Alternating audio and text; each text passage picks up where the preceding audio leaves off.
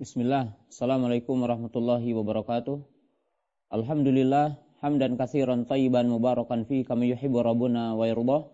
Ashhadu an la ilaha illallah wahdahu la syarikalah wa ashhadu anna Muhammadan abduhu wa rasuluh. Wassalatu wassalamu ala Rasulillah wa ala alihi wa ashabihi wa man tabi'ahum bi ihsanin ila yaumiddin amma ba'du. Kaum muslimin, pemirsa yang dirahmati Allah Subhanahu wa taala, Hadihi hiya al-halaqah as-salisah fi silsilah durus ilmiah fil akidah.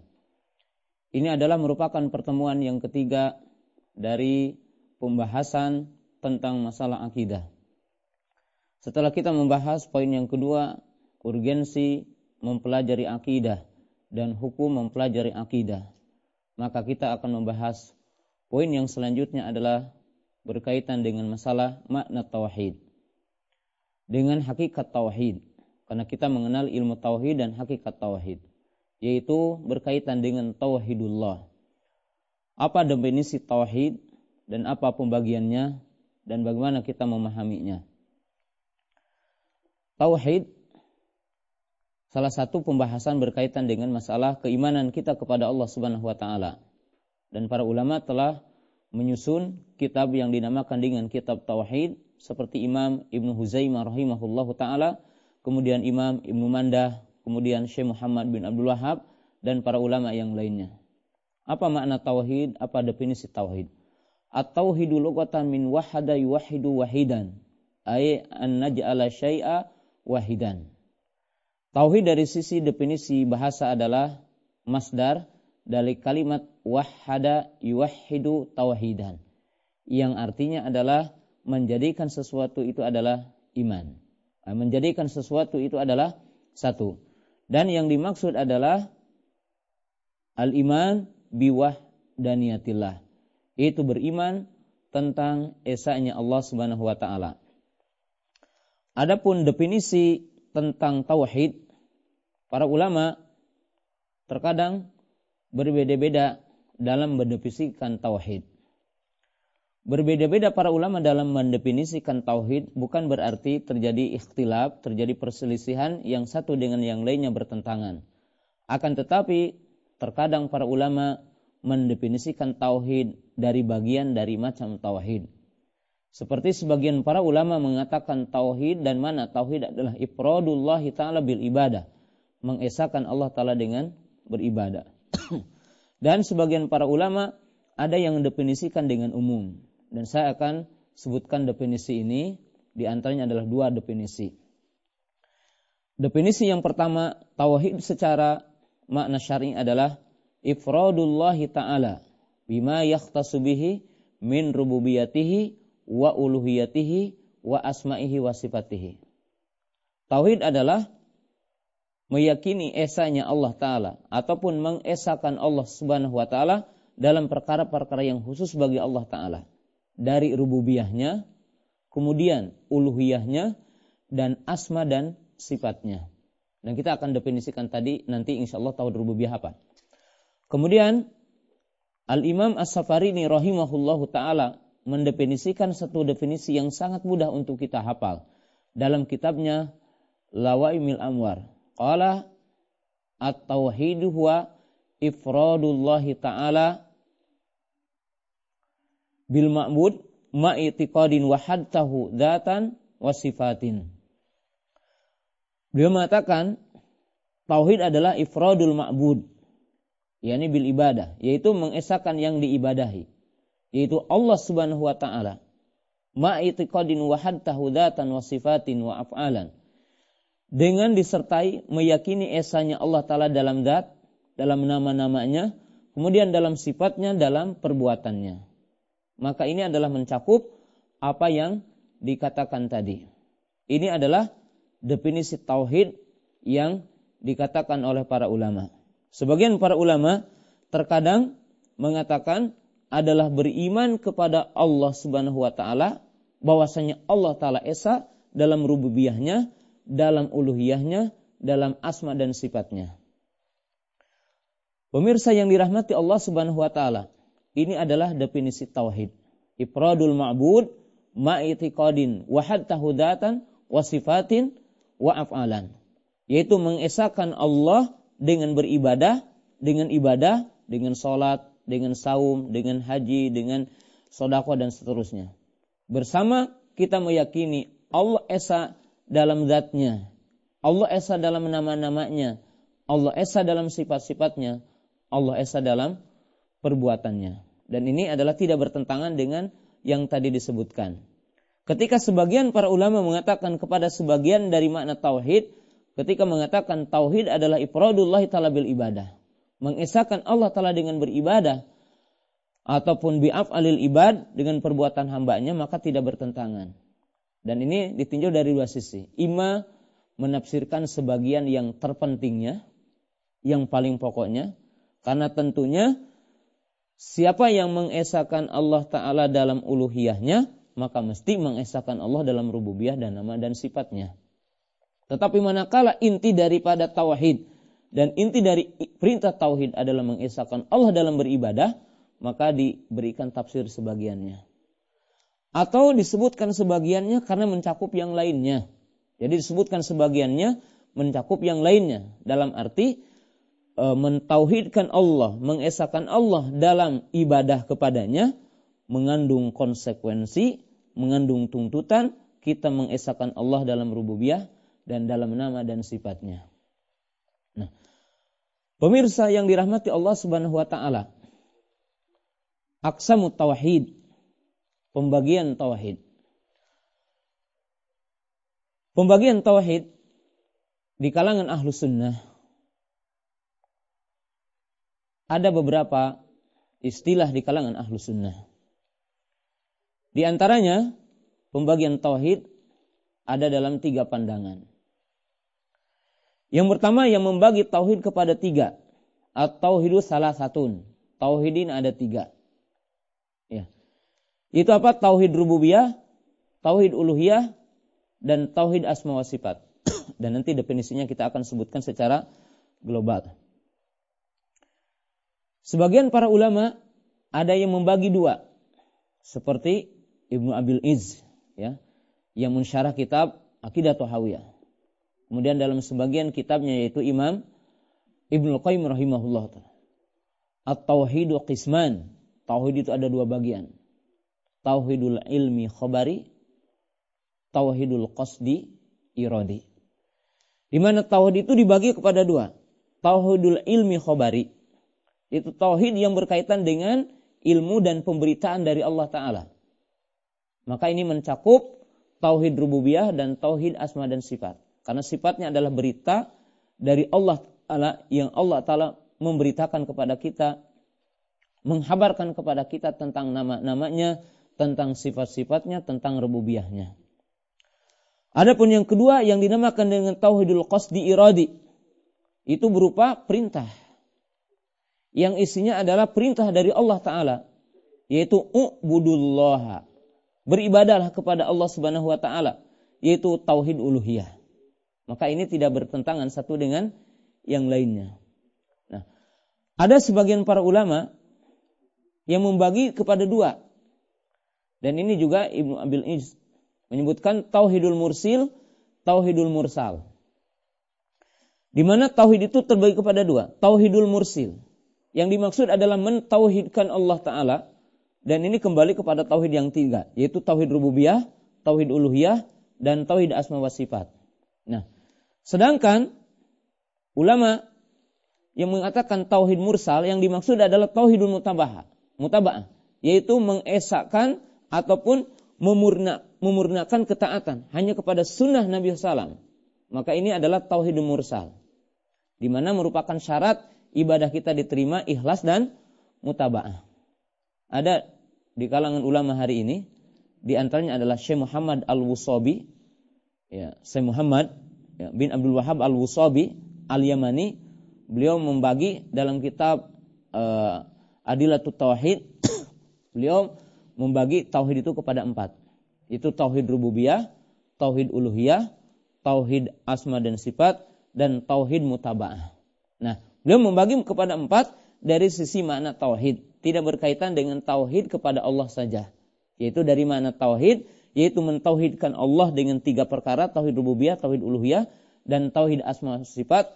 Sedangkan tauhid mutaba'ah dalam arti uh, di sini adalah memurni, memurnikan ketaatan hanya kepada syariat yang dibawa oleh Nabi Shallallahu Alaihi Wasallam.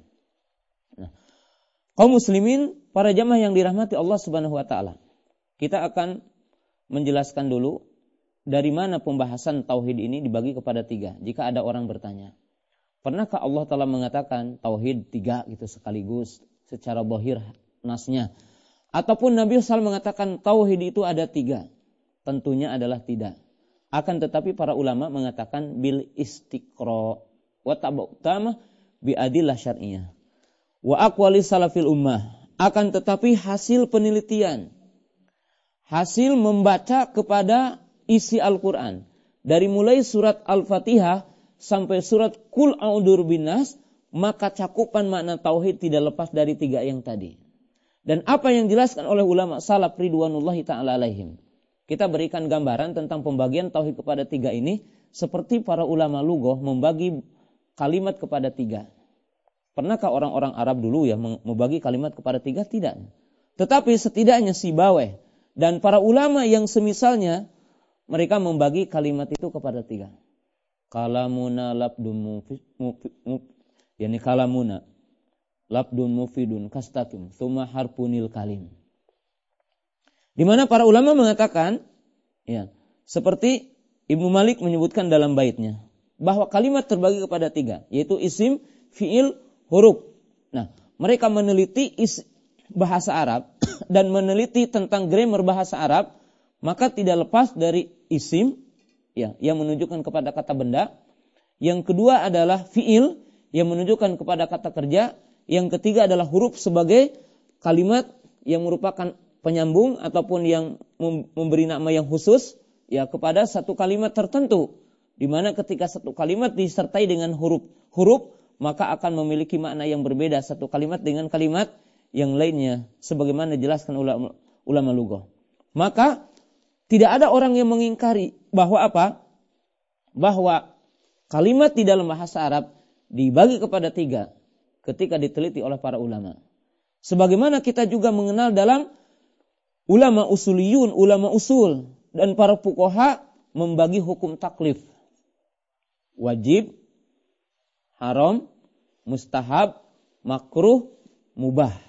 Nah, kalau kita bertanya apakah Allah Ta'ala pernah mengatakan hukum taklif lima dengan menyebutkan yang tadi? Adakah Nabi SAW mengatakan bahwa hukum taklif adalah lima yang tadi? Wajib, mustahab, haram, makruh mubah? Ataukah kita mengatakan itu adalah hasil penelitian para ulama? Terhadap perintah-perintah syariat, terhadap kaidah-kaidah syariat, di mana hukum ini ima wajib, ima mustahab, ima haram, ima makruh, ima mubah. Nah, maka jamaah yang dirahmati Allah Ta'ala, demikian juga berkaitan dengan tauhid. Maka kita akan mendapatkan bahwa Al-Quran membicarakan tentang tiga tauhid ini. Nah kita lihat tauhid yang mencakup tiga. Seperti Allah Ta'ala berfirman, Rabbus samawati wal ardi wa ma bainahuma fa'budhu wastabir li ibadatihi hal ta'lamu lahu samiyya. Para ulama tafsir mengatakan seperti Imam Ibnu Katsir dan Imam Asyangkiti dan yang lainnya, mereka mengatakan ayat ini adalah ayat yang mencakup tentang tiga macam tauhid.